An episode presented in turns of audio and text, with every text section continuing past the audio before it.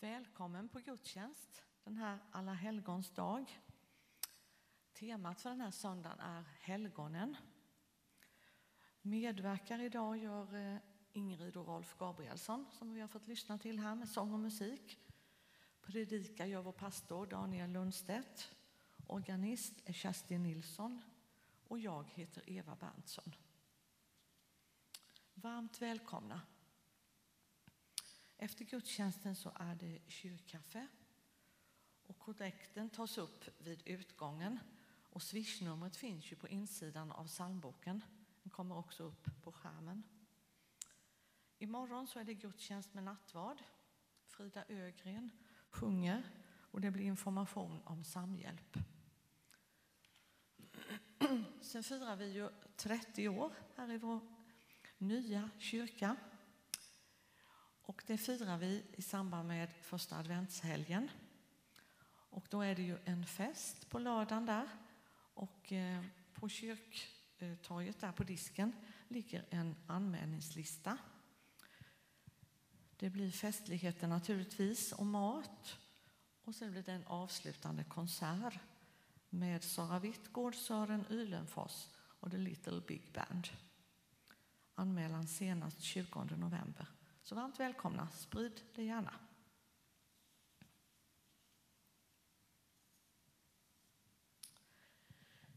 Ja, alla helgons dag. Det är ju en dag när vi minns på ett speciellt sätt de som har gått bort och gått före och vi tänker i tacksamhet på dem. För många är det naturligtvis en sorglig och jobbig helg. För att döden som drabbat en familj, en person och den man förlorat kanske har hänt nyligen.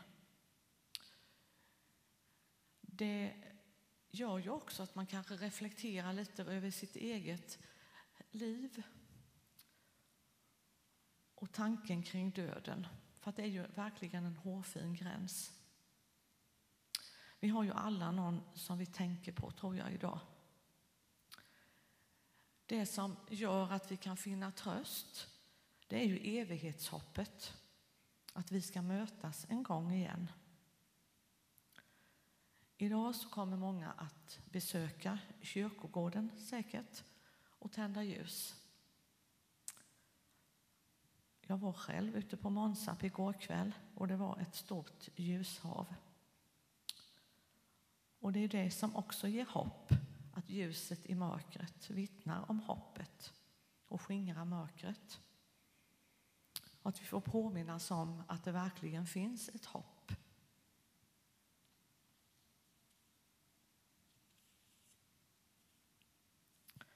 Så sjunger vi psalm 3, Helig, helig, helig. Och det är en stjärna vid den psalmen så att vi står upp medan vi sjunger.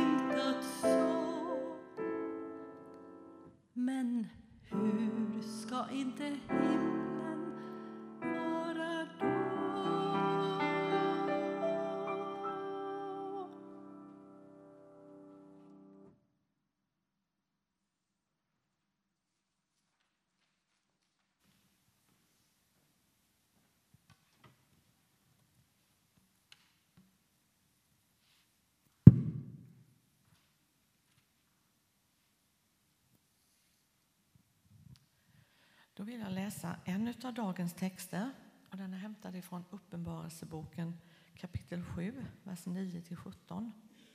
Den finns i psalmboken på sidan 1741. Jag såg och se en stor skara som ingen kunde räkna av alla folk och stammar och länder och språk. De stod inför tronen och lammet klädda i vita kläder med palmkvistar i sina händer och de ropade med hög röst Frälsningen finns hos Gud och som sitter på tronen och hos lammet. Alla änglarna stod kring tronen och kring de äldste och de fyra varelserna. Och de föll ner på sina ansikten inför tronen och tillbad, tillbad Gud och sa Amen. Lovsången och härligheten, visheten och tacksägelsen, äran och makten och kraften tillhör vår Gud i evigheters evighet. Amen. Och en av de äldste sa till mig, dessa som är klädda i vita kläder, vilka är de och varifrån kommer de? Jag svarade, du vet det, Herre. Han sa till mig, det är de som kommer ur det stora lidandet. De har tvättat sina kläder rena och gjort den vita i Lammets blod. Därför står de inför Guds tron och de tjänar honom dag och natt i hans tempel. Och han som sitter på tronen skall slå upp sitt tält över dem. De skall inte längre hungra och inte längre törsta. Varken solen eller någon annan hetta ska träffa dem. Ty lammet som står mitt på tronen ska vara deras herde och leda dem fram till livets vattenkällor. Och Gud skall torka alla tårar från deras ögon. Låt oss be.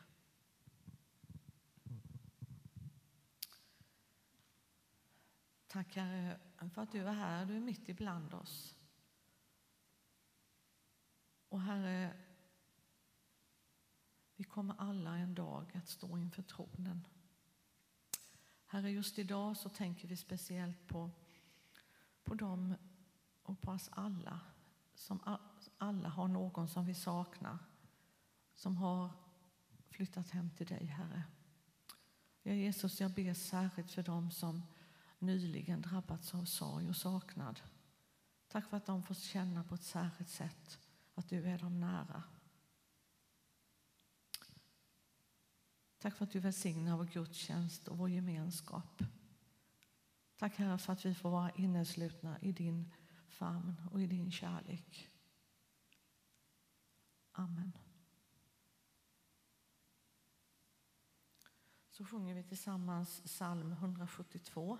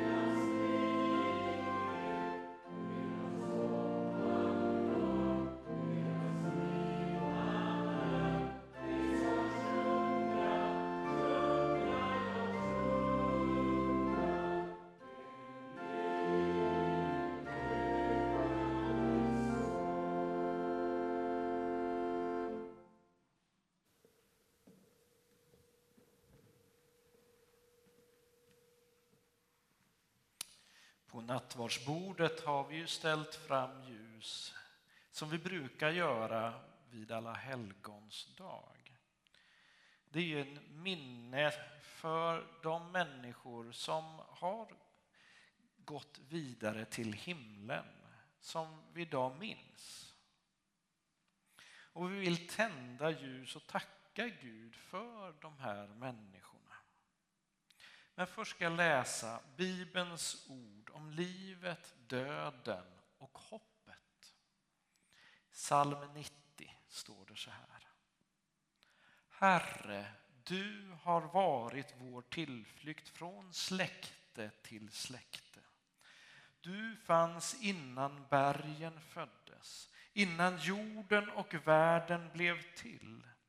Du är Gud från evighet till evighet. Du låter människan bli mull igen. Du säger bli vad du en gång var. Tusen år är i dina ögon som den dag som förgick igår, som en av nattens timmar. Människorna sveper du bort, det är som morgonsömnen, det förgår som gräset. Fast det frodas om morgonen är det förgängligt, mot kvällen vissnar det och torkar bort. Och i Uppenbarelseboken kapitel 21 och vers 3 och 4. Se Guds tält står bland människorna och han skall bo ibland dem. Och det ska vara hans folk och Gud själv ska vara hos dem. Och han ska torka alla tårar från deras ögon. Döden skall inte finnas mer och ingen sorg och ingen klagan och ingen smärta ska finnas mer. Ty det som en gång var är borta. Nu tänder vi ljus och vi gör det för Ingemar Bäcklund som avled den 6 januari 2021 i en ålder av 86 år.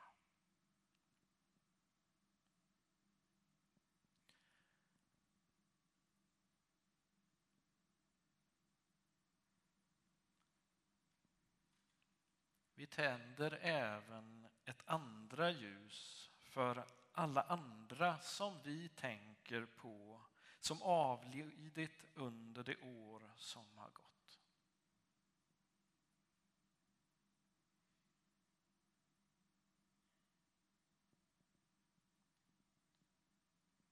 Vi ber. Gud, nu lyser ljusen. Levande liv har bytts mot levande lågor. Var nära alla som sörjer och saknar. Låt ljuset lysa i mörkret. Påminn oss om att du är också på andra sidan döden och att du vill sluta oss in i din famn. Amen. I Hebreerbrevet kapitel 12, vers 1 och 2 så står det så här. När vi nu är omgivna av en sådan sky av vittnen, låt oss då även vi befria oss från allt som tynger, all synd som ansätter oss och hålla ut i det lopp som vi har framför oss. Låt oss ha blicken fäst vid Jesus, trons upphovsman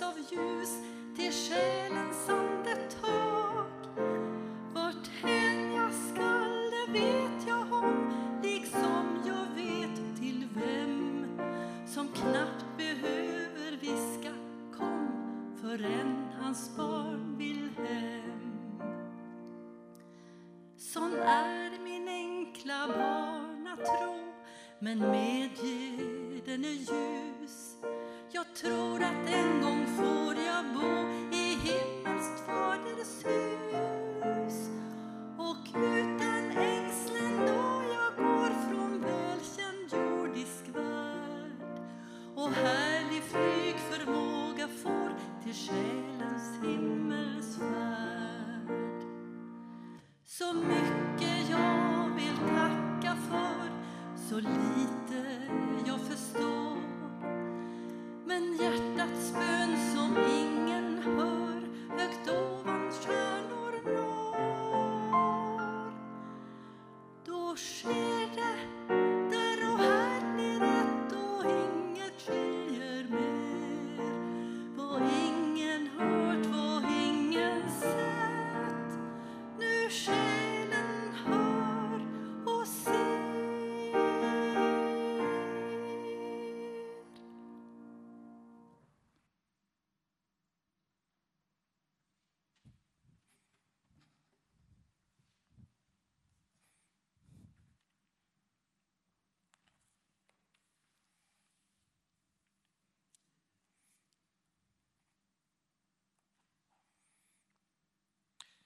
Helgonen.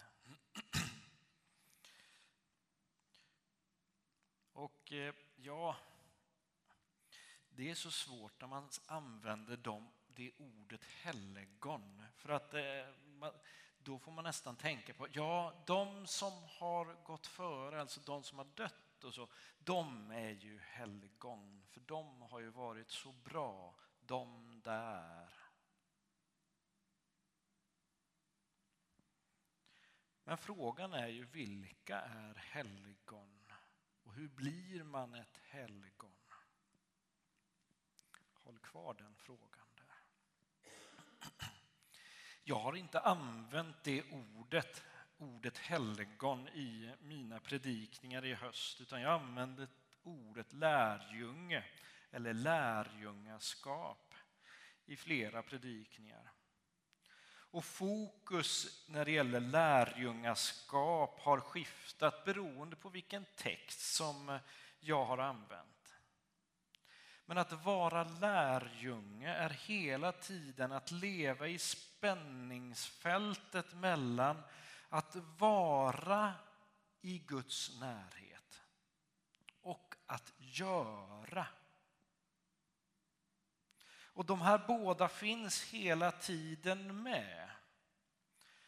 Sankt Benedikt av Nursia som levde mellan 480 till 543.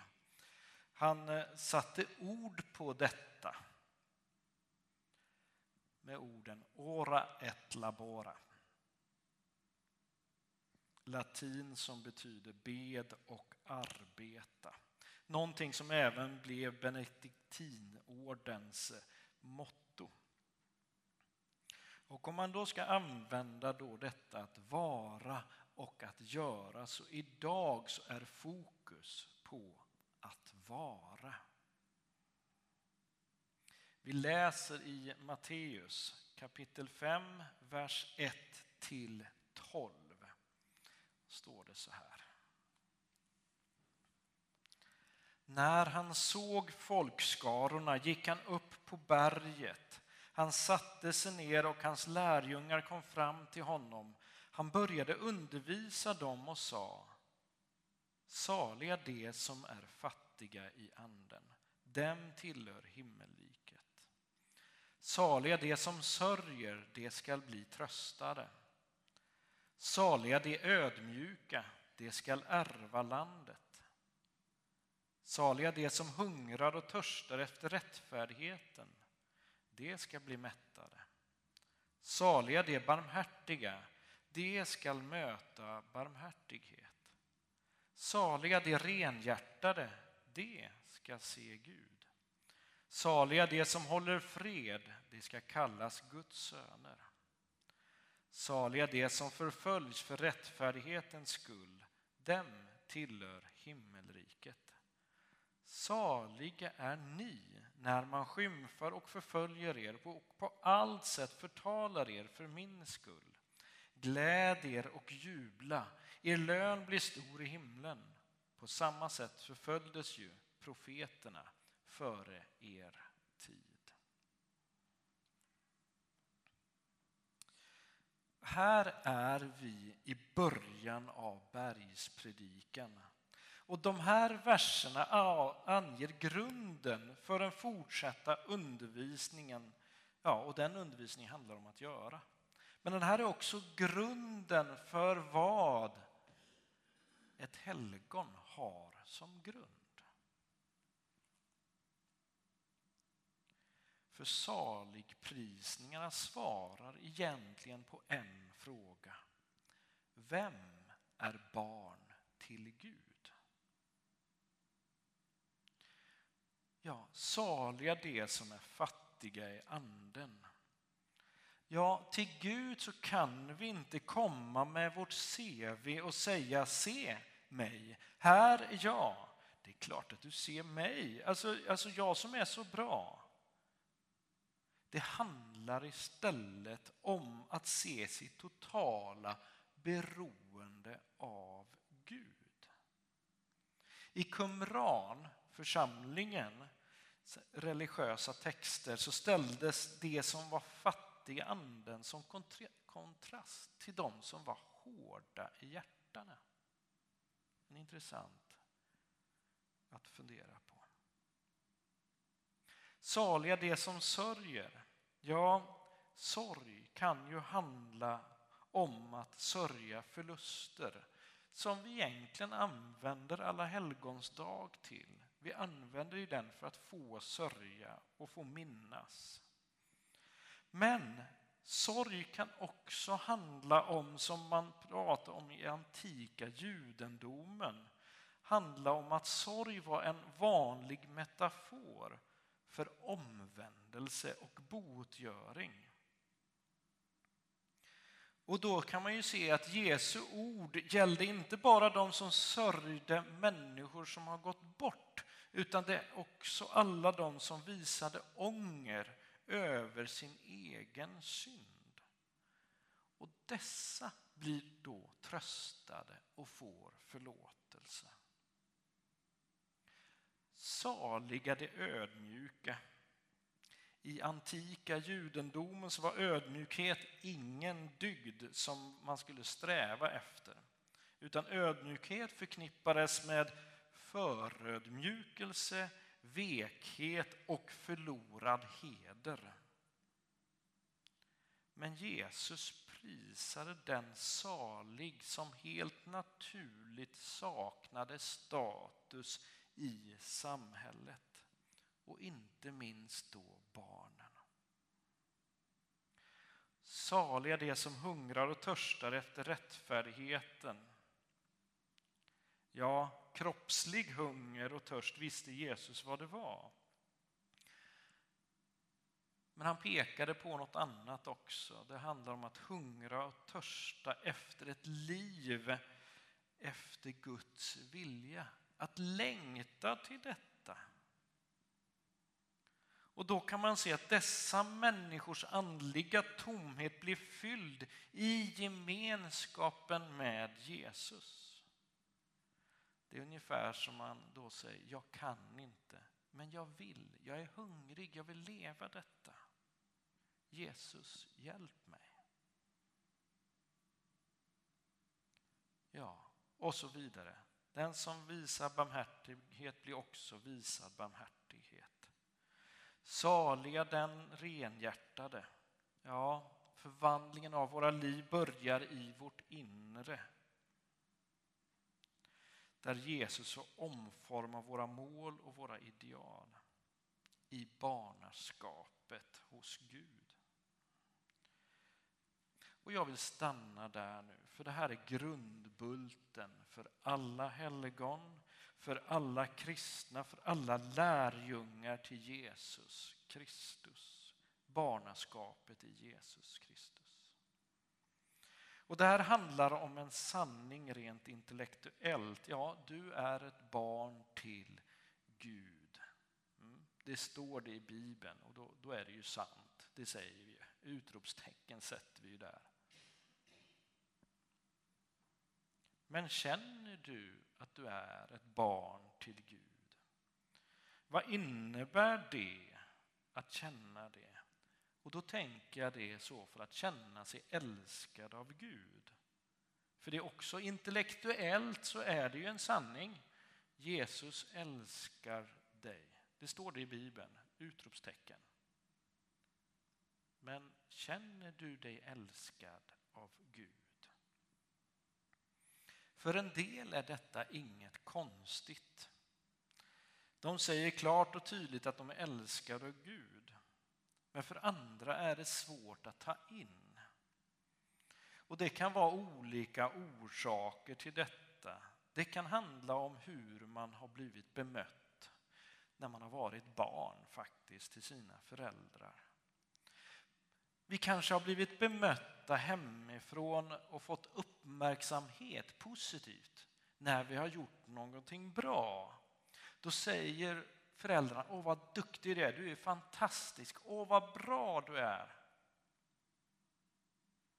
Och sen får vi också veta när vi har gjort någonting dåligt, ja, men det där var inte bra. Men däremellan så är det tyst. Med känsloyttringar för en del av oss. Vilket gjorde att vi lärde oss att jag behöver prestera något att få mina föräldrars kärlek och uppskattning. Och detta kan ha gjort så att det har vi fört över på våran syn på Gud, vår far. Ja, för att Gud ska älska mig måste jag göra någonting bra, för det vet jag ju sedan barnsben att då fick man ju veta det.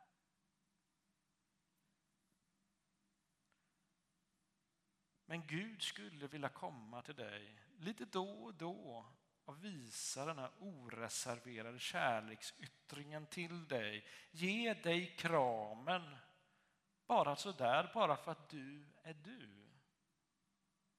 Utan prestation. Där Gud säger till dig, jag älskar dig. Och du kan se i Guds ögon att Gud menar detta.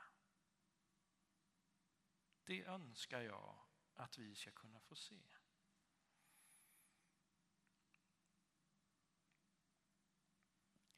För Guds kärlek till oss som barn är grunden för vårt lärjungaskap.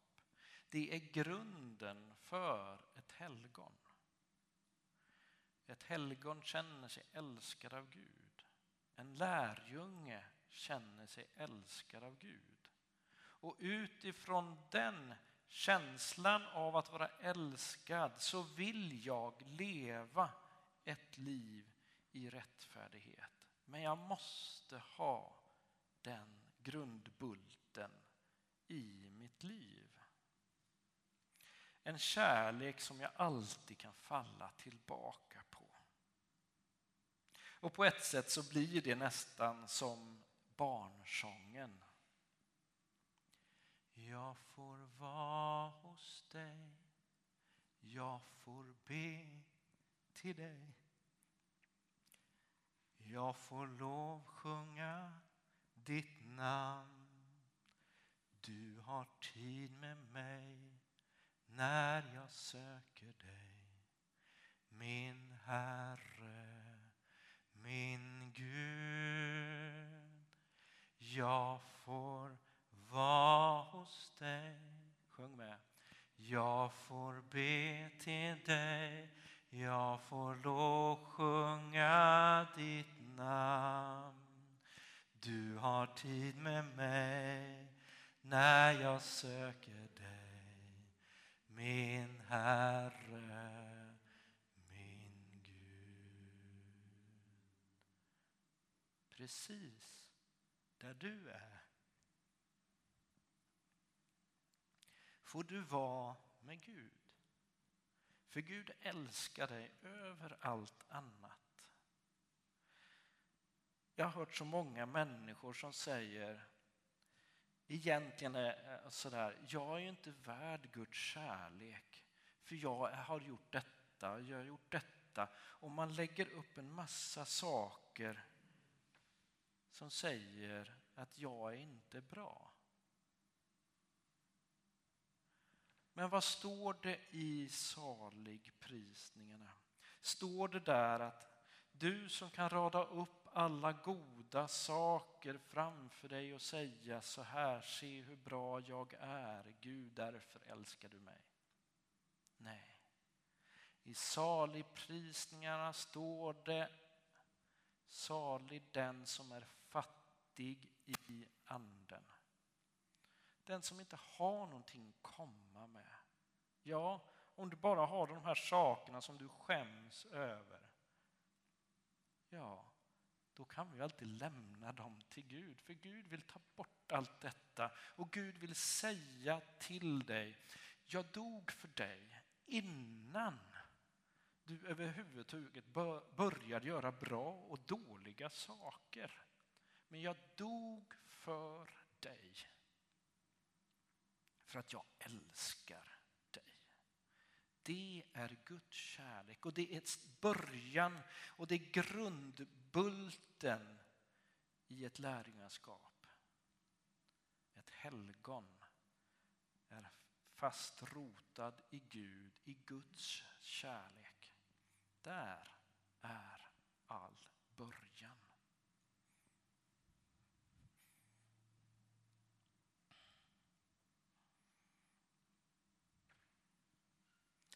Och återigen så vill jag ta korset som vi har inhugget eller insatt för våran del när man byggde kyrkan. Korset går ända ner till marken. Och det stiger upp till himlen. Och korset visar på Guds kärlek och visar på den väg som du och jag kan ha med Gud. För Jesus älskar dig ända in i himlen. Tack Jesus för att vi får komma till dig precis som de vi är. Med det dåliga som vi tycker att vi är.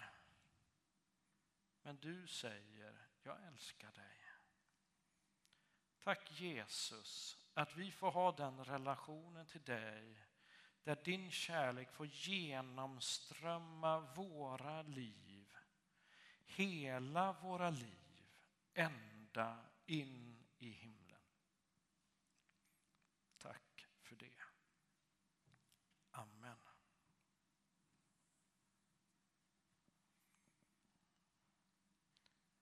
Nu sjunger vi tillsammans psalm 320.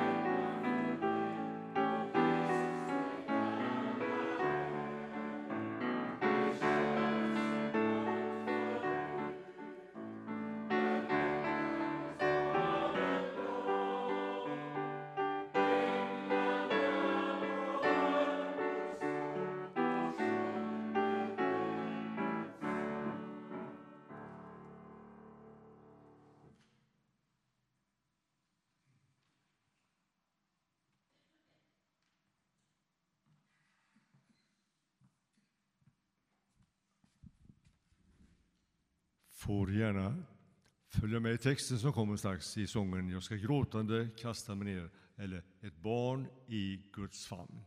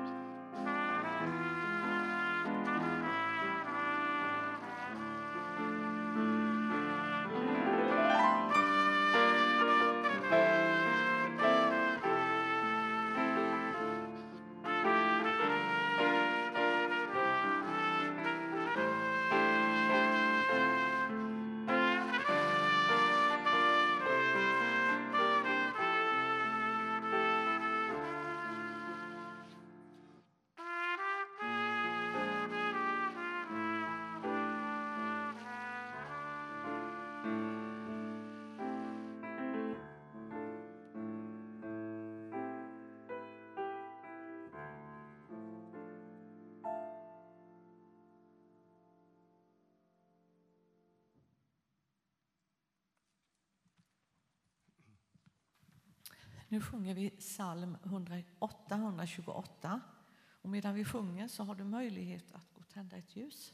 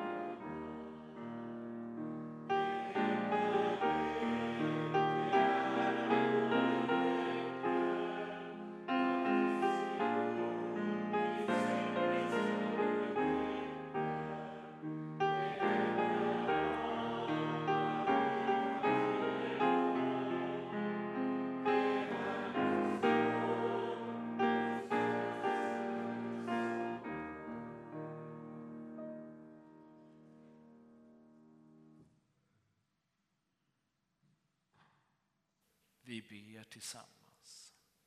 Herre Jesus Kristus, du ser ljusen som brinner, Herre Jesus, i bön för någon, för något, Herre Jesus. Jag ber Gud att du ska komma nära personer och situationer som dessa ljus innebär, Herre Jesus. Jag ber Gud att du ska komma till dem med läkedom och med kraft, Jesus. Jag vill också be för de människor som vi har i vår närhet, som vi känner, som just nu är drabbade av sjukdom, Herre Jesus, på olika sätt, Jesus. Men jag vill speciellt nämna personer som är drabbade av cancer, Herre Jesus, som vi känner. Gud, vi vill inget annat än att cancern ska vika. Den ska försvinna. Gud, jag ber om det i Jesu namn, Herre Jesus. Du ser andra människor som tycker livet är jobbigt just nu, Herre Jesus. Gud, jag ber att du ska omsluta dem på alla sidor, Herre Jesus. Tack att du håller dem i din hand. Amen.